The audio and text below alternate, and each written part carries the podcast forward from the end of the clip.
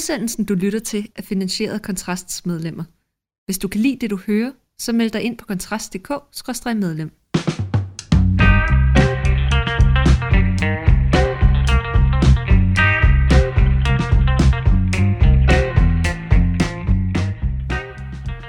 Så er det blevet tid til fyraften på en uh, særdeles regnvåd torsdag, og mit navn er Mikkel Andersen, med i studiet er Rasmus Ulstrup, og vi skal tale om uh, regnbuer og prisfald i Sohus. Nej, vi skal snakke om, uh, vi skal snakke om uh, Muhammed, eller koranafbrændingskrisen, som man vel godt kan kalde det efterhånden. Øh, det er jo ikke, fordi der er skortet på indlæg, hverken fra os her på Kontrast eller i den offentlige debat i al almindelighed, men øh, jeg tænker umiddelbart, at vi jo lige kan gøre status på, hvad der er foregået, og... Øh, vi må jo sige, at Mette Frederiksen er jo stadig missing in action. Jeg har hørt på vandrørene, muligvis, at hun kunne finde på at dukke op et eller andet sted på sendefladen inden øh, måske alt for længe, men det må vi jo se. Det kan jo være, at når det der afsnit udkommer, at det er sket, eller også tager jeg helt fejl, og hun fortsætter med at gemme, så det bliver spændende.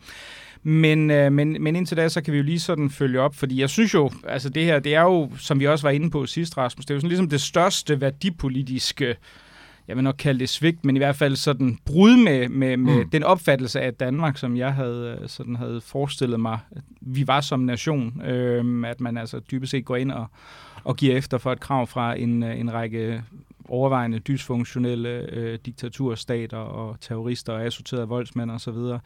Øhm, man kan jo sige, at øh, debatten, debatten i medierne, den raser. Noget af det, jeg sådan hæfter mig lidt ved, jeg synes, jeg synes der er interessant, det er, at der er sådan en, at der er en række sådan nogle øh, socialdemokratiske øh, parti eks doktorer jeg tror Christian Madsen har været ude, og forskellige andre, som repræsenterer sådan en slags linje, hvor at det regeringen gør, Øh, Måns Lykketoft kunne naturligvis også nævne som et andet eksempel på samme tendens, at det her det er den ansvarlige løsning. Ja. Det er simpelthen den voksne måde at gå ting, til tingene på, fordi vi lever altså i en globaliseret verden, Rasmus. Vi lever i en verden, hvor, øh, hvor vi skal komme overens med hinanden. Dialog er vejen frem, og man skal altså ikke gå og, og sådan at tillade, øh, at andres øh, øh, de bøger, som de synes er vigtige, de går og bliver brændt af.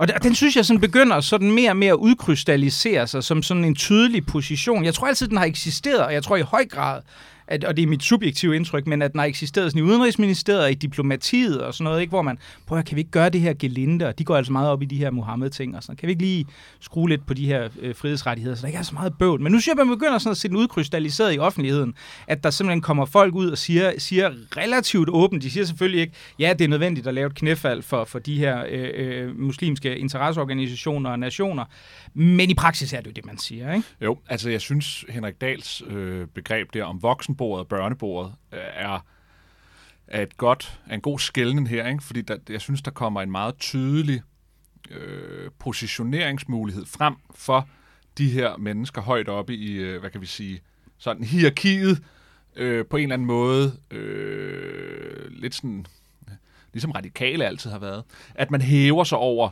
petitesser, på en eller anden måde. Ikke? Det handler om at, at være værdineutral, og så få, få smurt tandhjulene så godt som muligt, så godt som muligt, øh, sådan så at tingene ligesom kan køre øh, øh, smooth. I, og det er sådan en, det er sådan en, det er sådan en rigtig irriterende type der er sådan. Ikke? Altså det, det, nu nævner du selv Christian Madsen, han er åbenlyst en irriterende type. Øh, Mogens Lykketoft også. Ikke? Der er mange af de øh, mennesker, der er det, som, som har sådan en, Bjarne Korydon, tror jeg, i øvrigt også ja, ja, har ja, ja. i koret, forstå, ja, om der er nogen, der repræsenterer nødvendighedens politik, så er det vel ham. ja, og det er sådan en, det er sådan en, åh, vi kan ikke tage hensyn til, Øh, Øh, at sådan det danske folk øh, øh, går og går op i sådan nogle ting. Det er, ikke? Og det er også bare pøblen, der synes, det er vigtigt, at man kan brænde Koranen og, og, og så videre.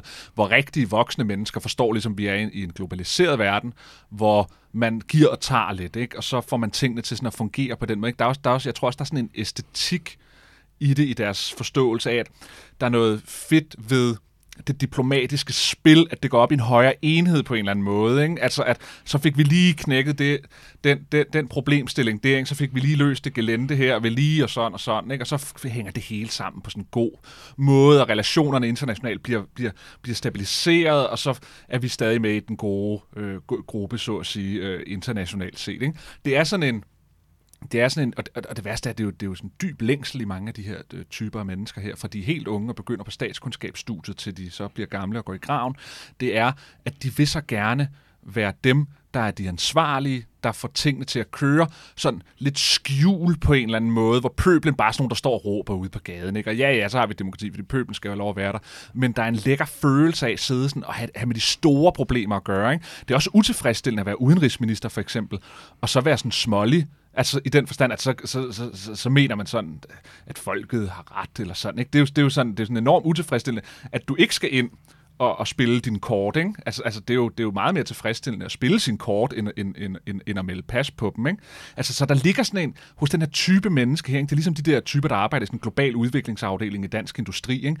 Det er også sådan nogle meget smilende øh, folk, der har styr på deres liv og sådan. Ikke? Og så synes de, det er så vigtigt med deres nye stilling i DI's global udviklingsafdeling, fordi første tur, den går ned til Etiopien, hvor de arbejder med, hvordan kan vi få, få etableret en eller anden form for forståelse for mangfoldighed og sådan, ikke? Og så føler de ligesom, de er på et andet niveau, end os andre er på. Og det tror jeg altså er en stor drivkraft i, i, den, i den tilgang til tingene, som er dybt enerverende at sidde og, og se og høre på for, for os andre. Ikke?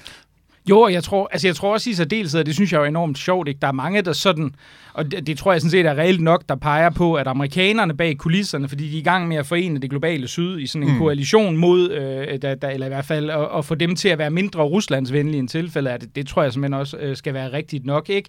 Og derfor skal man, må man ligesom forstå, at, at det er den ansvarlige tilgang til det, ikke? Og det synes jeg også er vildt fascinerende, fordi jeg, jeg har skrevet en lang Facebook-ting om det for nylig, men, men, men det, er jo, det er jo, altså netop USA altså står jo i den ret unikke situation, at de har en ytringsfrihedslovgivning, der er altså uendelig meget mere vidtgående end den danske. De har ingen racismeparagraf overhovedet. Du må forhåne etniske, religiøse, seksuelle, handicappede, lige så tosset du vil, juridisk set. Du kan formodentlig ikke få det trygt i en avis, men du har din juridiske ret til det. Du må lave også, din egen blog. Du må lave din egen blog, og, og du må udgive det lige så tosset du vil. Du kan selv udgive dine egne bøger, og, og, og, og statsmagten kan faktisk ikke komme efter dig. Det har man ret mange højesteretsdomme, der stipulerer. Det gælder også koranafbrændinger. Så kan det være, at der er lokale myndigheder, der vil sige, at det overtræder et afbrændingsforbud og så videre. Men hvis det er det, man vil... du så må ikke brænde, hvis det var tørke længe. Jamen, der har faktisk, der har faktisk jeg, jeg mener faktisk i forbindelse med, med Terry Jones, som er sådan en amerikansk øh, øh lidt... Øh, ja, det, jeg ved ikke, jeg tror, det er noget med, at han kører Uber nu om dagen, men, men tilbage i start 10'erne, der var han, øh, der var han, var han i gang med noget, med, med noget koranafbrændingshalløj, og han, øh, jeg tror, han fik en bøde på et par hundrede dollars, for, for ikke for at have brændt Koran, men for at have brudt en eller anden municipal code, vedrørende afbrænding. Hvilket jo så er... Og, og det er klart, at altså, der er også myndigheder og interesser i USA, der gerne vil modvirke det her. Du kan sagtens også, jeg kan sagtens forestille mig, at der bliver lagt sådan et socialt pres på mange mennesker for ikke at gøre det her. Ja, det kan man sige, det gør der jo sikkert også på Rasmus Paludan, men, men, men den juridiske ret er, er fuldstændig uangribelig. Ikke desto mindre, så er amerikanerne altså i, i det her tilfælde overraskende hykleriske, hvis vi skal sige det lige ud. Altså, det er dybest set en stat, som mener, at de fantastiske øh, frihedsgarantier, som deres øh, forfatning garanterer borgerne i USA, dem skal andre landes borgere altså ikke, øh, ikke nyde alt for meget af, hvis, øh, hvis det er øh, politisk øh, uopportunt for, øh, for USA i den, øh, i den givende situation. Ikke? Og, det, og det gør det jo også problematisk et eller andet sted, at, at øh, altså for, for en nation som Danmark, hvis du ikke engang kan regne med de lande, der mm. faktisk har en kodificeret ret til det her, så derudover kan man så sige, så er der jo så hele den her narrativ om, at der er altså ikke nogen andre lande, som det, hvor det er forbudt at afbrænde Koranen. Det er der altså nu. Norge, I Norge er det, er det til at de kan, du kan, der er noget med deres had, hadlovgivningsparagrafer, men der er foretaget afbrænding af Koranen, og deres politikere også indrømmet, at det, det er lovligt. Jeg mener også Frankrig, de kan have noget administrative ting, det er også lovligt der. Så, så der er en del af de her historier, der heller ikke passer helt. Men jeg synes, det er fascinerende, at den her, den her historie om, hvor der er sådan en slags udefinerbar sådan konsensus omkring det her voksenmord, som, som hedder, den er lidt ubelejlig. Altså den her ja. rettighed, den er sådan lidt uheldig, og, og, og det er der, jeg sidder og tænker, det er sørme godt, at de mennesker ikke havde øh, mulighed for at påvirke dansk politik i særlig udpræget grad under Anders Fogh Rasmussen. Fordi øh, hvis, hvis man havde ladt Jyllandsposten stå og flagre i den her sammenhæng, og havde undsagt dem, øh, eller sågar, øh, hvad kan man sige, opfordret til, at, øh, at man skulle kodificere et eller andet, der gjorde det sværere at pu- øh, publicere angiveligt blasfemiske satiretegninger, så vil vi stå i en uheldig situation i dag. Men desværre ser det ud som om, det er, det er de folk, og det er den linje, som, øh, som overraskende nok er ja. kommet til at dominere. Ikke? Men altså, nu er jeg jo ikke fuldstændig inde i Mellemøsten, og og, og, og den politik, der siger. Men, men, men der er jo en eller anden form for tomrum efter USA og Vesten på, altså har trukket sig mere og mere ud af det. Ikke?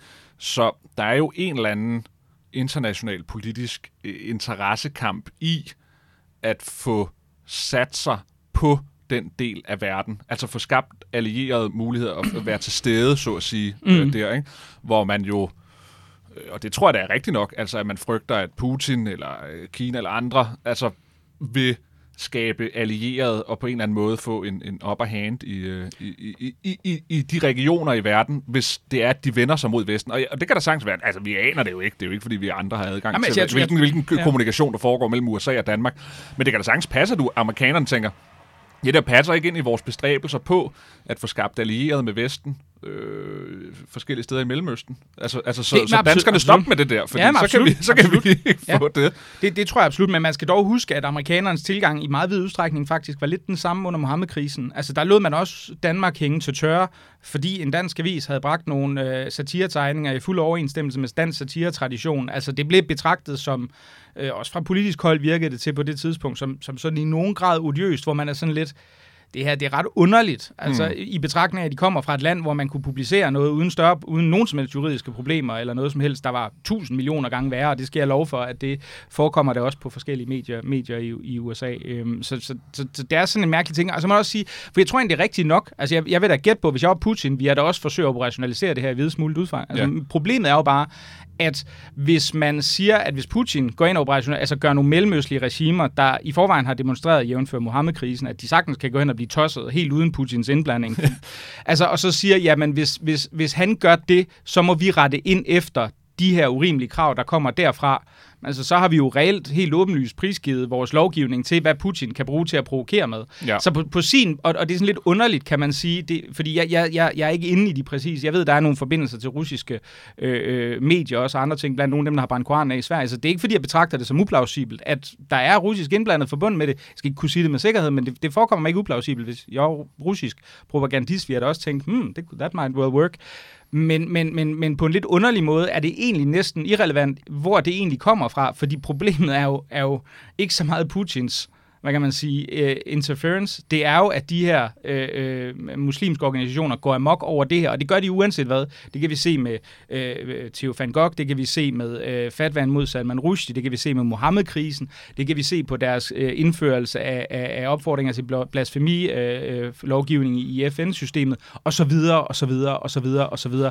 Så på den måde, den Ja. måde betragter jeg det egentlig sådan lidt Jamen, immaterielt. fu- fuldstændig, men, men jeg tror, det man skal forstå i den drivkraft, der ligger hos mange af dem, der gerne vil få sat en stopper for det her koranafbrænding, det er, at det giver dem også en måde at sætte sig ved voksenbordet. Altså det giver dem en legitimitet eller en følelse af, eller en opfattelse af, at, at nu er vi oppe på et niveau, der handler om øh, ordenen i Mellemøsten og alliancer og så videre internationalt, at nu er vi på et niveau, hvor vi så at sige bliver nødt til at sætte det banale, demokratiske ud af kraft, fordi det handler om, det er jo derfor Lars Løkke, han bruger begreberne som dans, danske interesser og danskernes sikkerhed, uden at eksplicitere konkret, hvad det mm. betyder. Ikke? Det er fordi, vi skal få en idé om, wow, nu er vi helt oppe i skyerne, ikke? nu er vi der, hvor det, hvor, hvor det kræver folk som Lars Løkke, øh, Mogens Lykketoft, Stine Bosse, altså sådan nogle menneskers dømmekraft for at løse øh, tingene. Så altså, der ligger også en, der ligger den der, øh, igen, altså, der ligger den der radikale bedrevidenhed mm. i det, fordi de kan tage det op på det niveau, hvor vi andre render rundt her og, og løber efter vores egen hale, fordi vi er sådan nogle små borgerlige dumme mennesker, der mm. går op i sådan nogle ting her.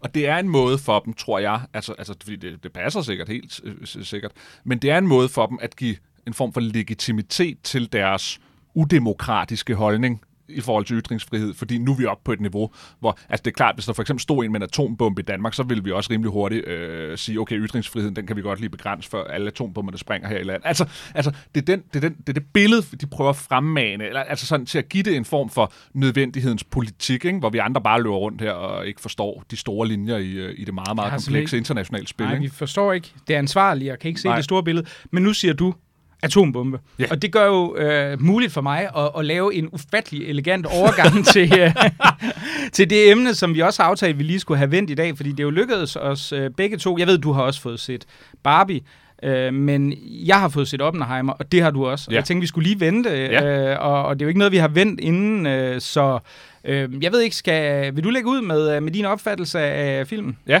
kanon god film. En af, af altså Nolans bedste efter hans kolossale elendige film Tenet. Ja. Så det er godt at se, at han er tilbage på sporet. At det er meget sjovt at se, at han laver den mest obskure actionprægede film. Og så vælger han at, at vende 180 grader, så går hen til en tre timers lang film, der ikke er andet end snak. Ja. Altså, men den er jo hammerende gribende, altså de her tre timers dialog, der, der er i, øh, i filmen. Og det er jo fordi, Øh, Christian Egander Skov, han har skrevet om den på i Berlingske, og, og, og han har en meget interessant pointe, nemlig, at hvorfor er det, den også er så interessant lige nu? Jamen det er det, fordi at vi med krigen i Ukraine har fået atombombens betydningsgenkomst ind i vores liv, som vi har på en eller anden måde undertrykt eller fortrængt siden den kolde krig sluttede. Ikke? Så har det været sådan en idé om, at der er atomvåben hos alle stormagterne, ergo får vi ikke nogen store konflikter, fordi der, det skaber den her balance her, altså deterrence, at alle kan bombe hinanden øh, ihjel. Og nu er atombomben så at sige blevet central igen i vores forståelse af verdens øh, opfattelsen, øh, fordi at vi jo nok ikke havde regnet med, at, at at Rusland turde øh, angribe øh, Ukraine på den måde, og, og, og vi er jo i det dilemma, at vi kan ikke bare bombe russerne væk, fordi de sidder på et stort atomarsenal. Og den frygt, synes jeg, filmen indfanger enormt godt. Altså, det er sjovt, at vi ved jo alle sammen, hvad den ender med. Altså, der er jo ikke noget... Mm. Altså, jo, vi kender måske ikke til ham her, Robert Oppenheimers personlige liv og den sag, sådan men vi ved jo, hvad den ender med, og alligevel sidder man jo fuldstændig sådan, oh, mm. nu prøver springer de den første atombombe, uh, uh, uh, uh, ikke? Og, og der er den her øh, del i filmen, hvor, hvor, hvor nogle af fysikerne er bange for, at det at springe en atombombe kan skabe en kædereaktion, altså den her fusion, der foregår for alle atompartikler i øh, atmosfæren til at gå i brand. Typisk set sætter atmosfæren i brand, ja. Ja, og så dør hele verden. Og så er der sådan en meget sjov scene, hvor, jeg kan sgu ikke huske, om det er præsidenten eller hvem det er, der siger, der siger eller andet. Nå, hvor stor er sandsynligheden for det? Og så svarer en af flyene, næsten 0. Ikke? Altså, sådan, næsten 0. Ikke? Altså, den skal bare være 0,00. Altså, der må ikke være noget næsten der.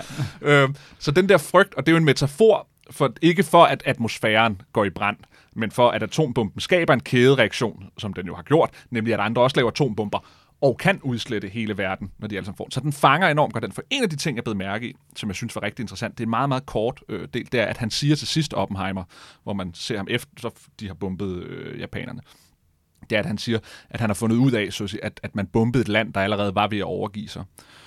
Og det er sådan en lidt kontroversiel udtalelse, han kommer med. Men jeg kan da huske, at jeg havde øh, det fag på mit studie, der hed uh, Domestic Sources of American International Politics, om atombomben i øh, atombomberne i Hiroshima og Nagasaki, hvor de kilder viser, at, at vi har den forståelse her i Vesten, at atombomben sluttede ligesom krigen i, med japanerne, og så overgav de sig.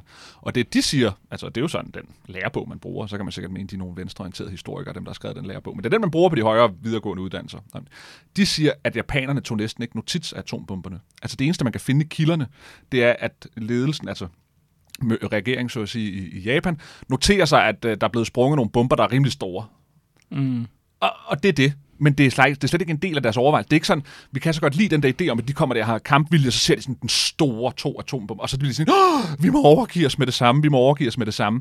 Men, men de var altså rimelig øh, hjernedøde, de der japanske mm. soldater. At, at det var ikke sådan, at fordi de så atombomben, at så tænkte de, nu er Gud kommet til os og sagt, at vi skal nedlægge mm. vores våben.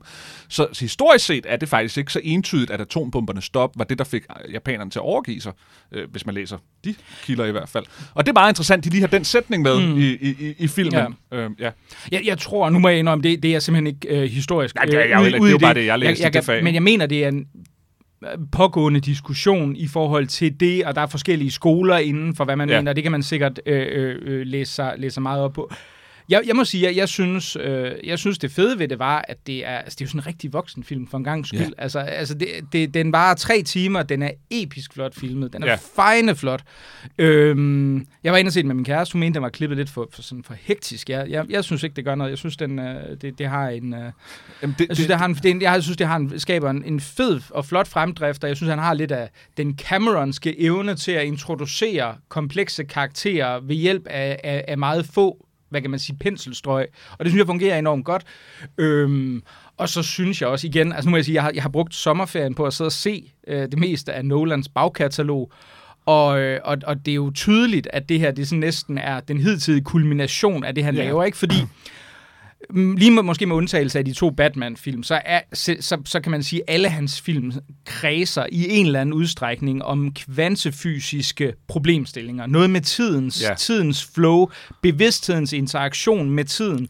Øh, øh, hvad kan man sige? Fysikkens lov i forhold til tyngdekraftens relation ja, til tiden. relativitetsteori. Præcis, ja, ja. ikke? Altså, vi har Inception med, med, med, med de her forskellige lag, øh, så, som det er. Vi har Tenet, som igen, jeg er fuldstændig enig, jeg genså den. Den film er jo uforståelig. Jeg prøvede også at gense den igen. er- Jeg, jeg og jeg læste en lang analyse ja. først, fordi jeg tænkte, okay, nu skal jeg få det fuldt ud af. Nej, jeg, jeg gav op igen. Jamen, jeg, men men det er også det, jeg synes, når, når Nolan er værst, og det er han i, i Tenet, så har man en idé om, at han på en eller anden måde lægger puslespil via film, for jeg er sikker på, at der er en mening bag ved alt det, der foregår. Men det er så komplekst og filmisk uinteressant. Ja. Altså, eller, altså visuelt er den overdådig, det er jo ikke det, den er virkelig flot. Men, men, men, men plotmæssigt sidder man og tænker, hvad er det, jeg sidder og kigger på? Altså, skal jeg have en eller anden, en, en eller anden, en eller anden viewers guide med et flowchart, der viser? Og så er det også lidt med Inception, hvis jeg skal Ja, være helt ja, ærlig. Ikke? ja. Altså, altså, kompleksiteten går ud over den Ja. intuitive sjovt- filmoplevelse. Det er ikke? sjovt, Og- du siger det med Inception, dengang jeg så den. Det var i 2010, ikke? Ja, der var jeg 20 år. Og, og, og der kan jeg huske, at jeg havde set så tænker jeg, fed actionfilm, men hold da op, hvor bliver man trukket så langt ud af selve karaktererne, det der er på spil, alle de der ting der, fordi det bliver så abstrakt mm. i sine lag, at man til sidst sidder og tænker, hvad er det egentlig, der er på spil her? Altså, Ja. ja. hvad, hvad er det egentlig? Nå, så lykkes de, hvad er det nu? Nå, så kan han se sine børn. Nå, altså alt det der action med, at de var ved at dø, sådan, det var egentlig bare, Ja. det var sådan lidt Ja, ja, ligegyldigt, ja. fordi de kunne alligevel ikke dø, men det handler om, at han kunne se sine børn, når han stiger flyet. Ikke? Altså, så man glemte sådan helt, hvad fanden er pointen? Ja, Ja, så jeg havde det, på samme måde med Inception. Den blev også for puslespilsagtig i, i filmformat. Men, Øhm. men, men jeg synes bare her, der er det ligesom... Altså, her er, her er tematikkerne fint udfoldet. Man får redegjort for, hvad der er på spil. Der er nogle fine... Ja, ja det skal siges, jeg kender ikke historien om Oppenheimer, så jeg, der, hvis der er nogle faktuelle fejl, det er der sikkert. Så, så vil jeg ikke kunne være kompetent til det, men, men mit indtryk er, at du får en relativt lojal udlægning af historien bag det her, de interne relationer, bag de forskellige øh, teoretiske fysikere, hvad der foregik i Los Alamos og så videre. Og, og det er bare altså basalt spændende skruet ja. Sammen, og så er det jo fejende flot øh, filmet. Ja. Altså det er jo, det er jo en, en sjælden, sjælden flot film. Og så er det jo også noget så, altså så, så, så, så vildt som en helt ægte originalfilm. Altså, ja, der er jo faktisk ja. ikke et... Altså, man kan sige, jo, det er jo, den er, sjældent efterhånden. men altså, det er ikke en Marvel Cinematic Universe-film, ikke? nej. Altså, jeg så den der The Flash forleden dag, og den, den synes jeg er, uden at vi skal digress alt for meget, men den er vild, fordi ikke alene er den baseret på en tegnefilm, men den er også så metaagtig, så den inddrager Michael Keatons Batman, han kommer fra et pa- parallelt univers, i stedet for den nye Batman, som jeg ikke kan huske, hvem bliver spillet af anyway. Altså, og, og, så, så nu har vi simpelthen ikke alene trækker den på en tegneserie-nostalgi, den trækker også på en tidligere film-nostalgi, ikke? Der er så, det er så meget, altså det er sådan en, en matroska-dukke af genbrugt nostalgi og ja. Ja. forlæg, ja. Ja. og hvor man sidder og tænker, det, det er efterhånden ved at være, jeg har også stået af på de der Marvel-film for Ja, lang tid ja, siden. Alle det der altså. reboots af alting hele Ja. tiden. Ikke? Ja, ja, ja. Jamen, ja, en, en, ting, jeg lige vil sige, det var det der med, at du siger der med, at den er klippet meget hektisk, øh, Oppenheimer, det er den også. Men det er en særlig Nolan-ting, at dialogerne skal være så korte, som, som overhovedet muligt. Altså hvis man lægger mærke til, hvordan dialoger tit foregår i hans film, så er en, der siger en replik, og så er der en unaturlig kort ventepause, før svaret kommer fra den anden. Så du får nærmest klippet en dialog sammen, der siger, ba ba ba, ba ba ba, ba ba ba, ba mm. og så videre til det næste. Så den dialog ligesom afsluttet. Ja. Og, og, og, når det lykkes ham godt, så får den en fed hastighed, så får den et fedt flow. Når det ikke lykkes, det gjorde det blandt andet ikke Tenet så får du bare en totalt opstyltet dialog, hvor du sidder og tænker, "Hva- hva- hvor er det uautentisk måde, de sidder og taler med hinanden, fordi det handler bare om, at seeren, han skal lige sættes ind i at forstå, hvad det er, det hele det handler om, og så videre. Mm. Men jeg synes netop i, øh, i, i Oppenheimer, at dialogen bare gør det smooth, altså mm. det kører bare fra det ene til det andet, til det ene til det andet, på, på, på, en, på en, med en fed hastighed, men han prøver, jeg synes, det er den film af alle, hvor han skærer dialogerne ned, til at være så korte, koncise og, og hurtige som overhovedet muligt, når to karakterer interagerer med hinanden. Og jeg synes, det fungerer godt. Altså, det er som om, han har prøvet at lave en øve, øvelse, der hedder, hvordan kan jeg skære så meget fedt væk som mm. overhovedet muligt Ja. i dialogerne. Og det er bare tre timers dialog. Ja, det er det. Er, ja, ja, altså, vi ser jo, vi ser jo en, en atom øh, Trinity-prøvesprængning, kan jeg jo nok godt afsløre, Ja. uden, at- uden at spoile alt for meget. Men man Skulle vi også- have sagt spoiler alert? også Den virkede. Men man må også sige, det er imponerende, det cast, han kan formå at forsamle. Han har Emily Blunt som Oppenheimers øh, hustru, og hun er jo en af de helt store Hollywood-stjerner. Og hun har ganske få replikker, ellers så sidder hun i en sofa bag Killian Murphy, der spiller Oppenheimer, og så sidder hun og er sløret. Mm. Altså, du, du kan altså ikke få særlig mange af de helt store Hollywood-stjerner til at være med i en film, hvor deres rolle er at sidde på en sofa bag hovedpersonen, og så være sådan lidt sløret, og så bare sidde der i, i, i to timer. Kenneth Branagh som, øh, som øh, hvad det hedder, Niels Bohr jo. Ja. Men lidt... Øh, ja, ja, det, er, det er et ærligt forsøg på Ja. at lave en dansk øh, accent. men, men, ikke men jeg kan godt lide den måde, de fremhæver Niels Bohr som en Det meget god og ærlig mand. Det må man sige. Ja, det det ja. synes jeg. Ej, jeg synes også, det, det er et, et virkelig, virkelig flot, og, og Killian Murphy er jo, er jo helt fantastisk. Jeg må jo indrømme, at jeg har set samtlige sæsoner af Peaky Blinders, så jeg kan egentlig godt lide den, men, men det er også en gangster soap, altså der dybest set handler om seje mænd med, med kasketter på i fede øh, eksteriører, der går med ryggen til eksplosioner. Ja, Altså, og, ja. og, og ser mega seje ud. Og, Ja. det, og det er ikke altså, øh, hans, øh, hans gangsterboss for, for, øh, er måske ikke øh, den mest nuancerede eller øh, velskrevne karakter, og der er det fantastisk at se ham. Og jeg må også sige, at jeg genså ham som The Scarecrow i, ja, øh, i, i Batman. Det, i Batman. Øh, han er jo med i, i Batman Begins og også lidt i The Dark Knight, hvor han faktisk også er virkelig, ja. virkelig, virkelig fantastisk. Ja. Jeg synes, det er en, en, en, en meget, meget fornem kræftpræstation. Ja. Apropos øh, øh, kasket og fedt tøj. Jeg sad, da jeg så øh, Oppenheimer, jeg så den med Thomas Gras, som jo også har været med i den blå time her på Kontrast med nogle forskellige ting. Og vi blev begge, vi blev begge to fuldstændig enige efter filmen. Efter var nogle fede jakkes. altså, altså, de er så pænt klædt. Det er så ærgerligt, at folk ikke går i de jakkesæt længere i dag, fordi der er så meget tykkelse i stof. Altså, det, det er vævet tykt, altså det er tyk, tyk uld, og sådan, ikke? det, er bare, det er så lækkert og flot at se på. Den har de altså bare nailet 100%. Ja, vi var meget sådan helt, ej, Matt, Matt Damon især har sådan en meget tyk flanel øh, jakkesæt på. Og man bliver sådan helt forelsket, når man sidder, man sidder udelukkende og kigger på en slips og hans jakke. Altså. Du, der skulle være sådan nogle Oppenheimer, du ved, Steal the Outfit, hvor du kunne se, hvordan man havde... på aktion efterfølgende. Og apropos velklædte øh, øh, eller fede kostymer, så kunne vi jo have lavet en overgang til at snakke om Barbie her, men jeg har ikke set den, så det kan vi ikke. Nej. Til gengæld kan man jo gå ind og se Emilia Jæger, øh, journalist her på, øh, på Kontrast, øh, som i øvrigt har øh, skrevet en fin historie om øh, den gode Per Husted. Øh, det er sådan noget helt andet, der, der godt kunne tænke sig at få formålsløse Mohammed-tegninger brændt. Men hun var altså i øh, aftenshowet i går aftes onsdag, Nej, undskyld, God Aften Danmark. Jeg råder ja. altid de to sammen, hvor hun, øh, hun debatterede øh, øh, Barbie-filmens kvaliteter, eller mangel på samme. Det eneste, Emilie fremhævede som øh, noget virkelig positivt i filmen, det var lige, lige præcis deres øh, kostymer. Det kan man altså gå ind og se på, øh, på TV2 Play, hvis man er so inclined. Og øh, så vil jeg ellers sige øh, tak for det. Jeg kan måske tilføje, øh, hvis, man, øh, hvis man slet ikke kan få nok af øh, kvævleren om, øh, om koranafbrændingerne, så medvirker jeg i øh, noget P1-debat 12.15 i morgen. Der kommer også noget tekst fra os, og så må vi jo også se, om øh, vores gode statsminister melder sig på banen ja. og faktisk har noget at sige om øh, den her gigantiske krise. Det plejer hun ikke at være bleg for, men øh, det bliver spændende. Ja. Tak fordi du lyttede med. Det var alt for Fyraften med Kontrast i dag. Mit navn det er Mikkel Andersen. Med mig i studiet var som altid Rasmus Ulstrup. Og hvis du ikke er blevet medlem af Kontrast endnu, så er det inde på kontrast.dk-medlem og meld dig ind nu. Tak fordi du lyttede med.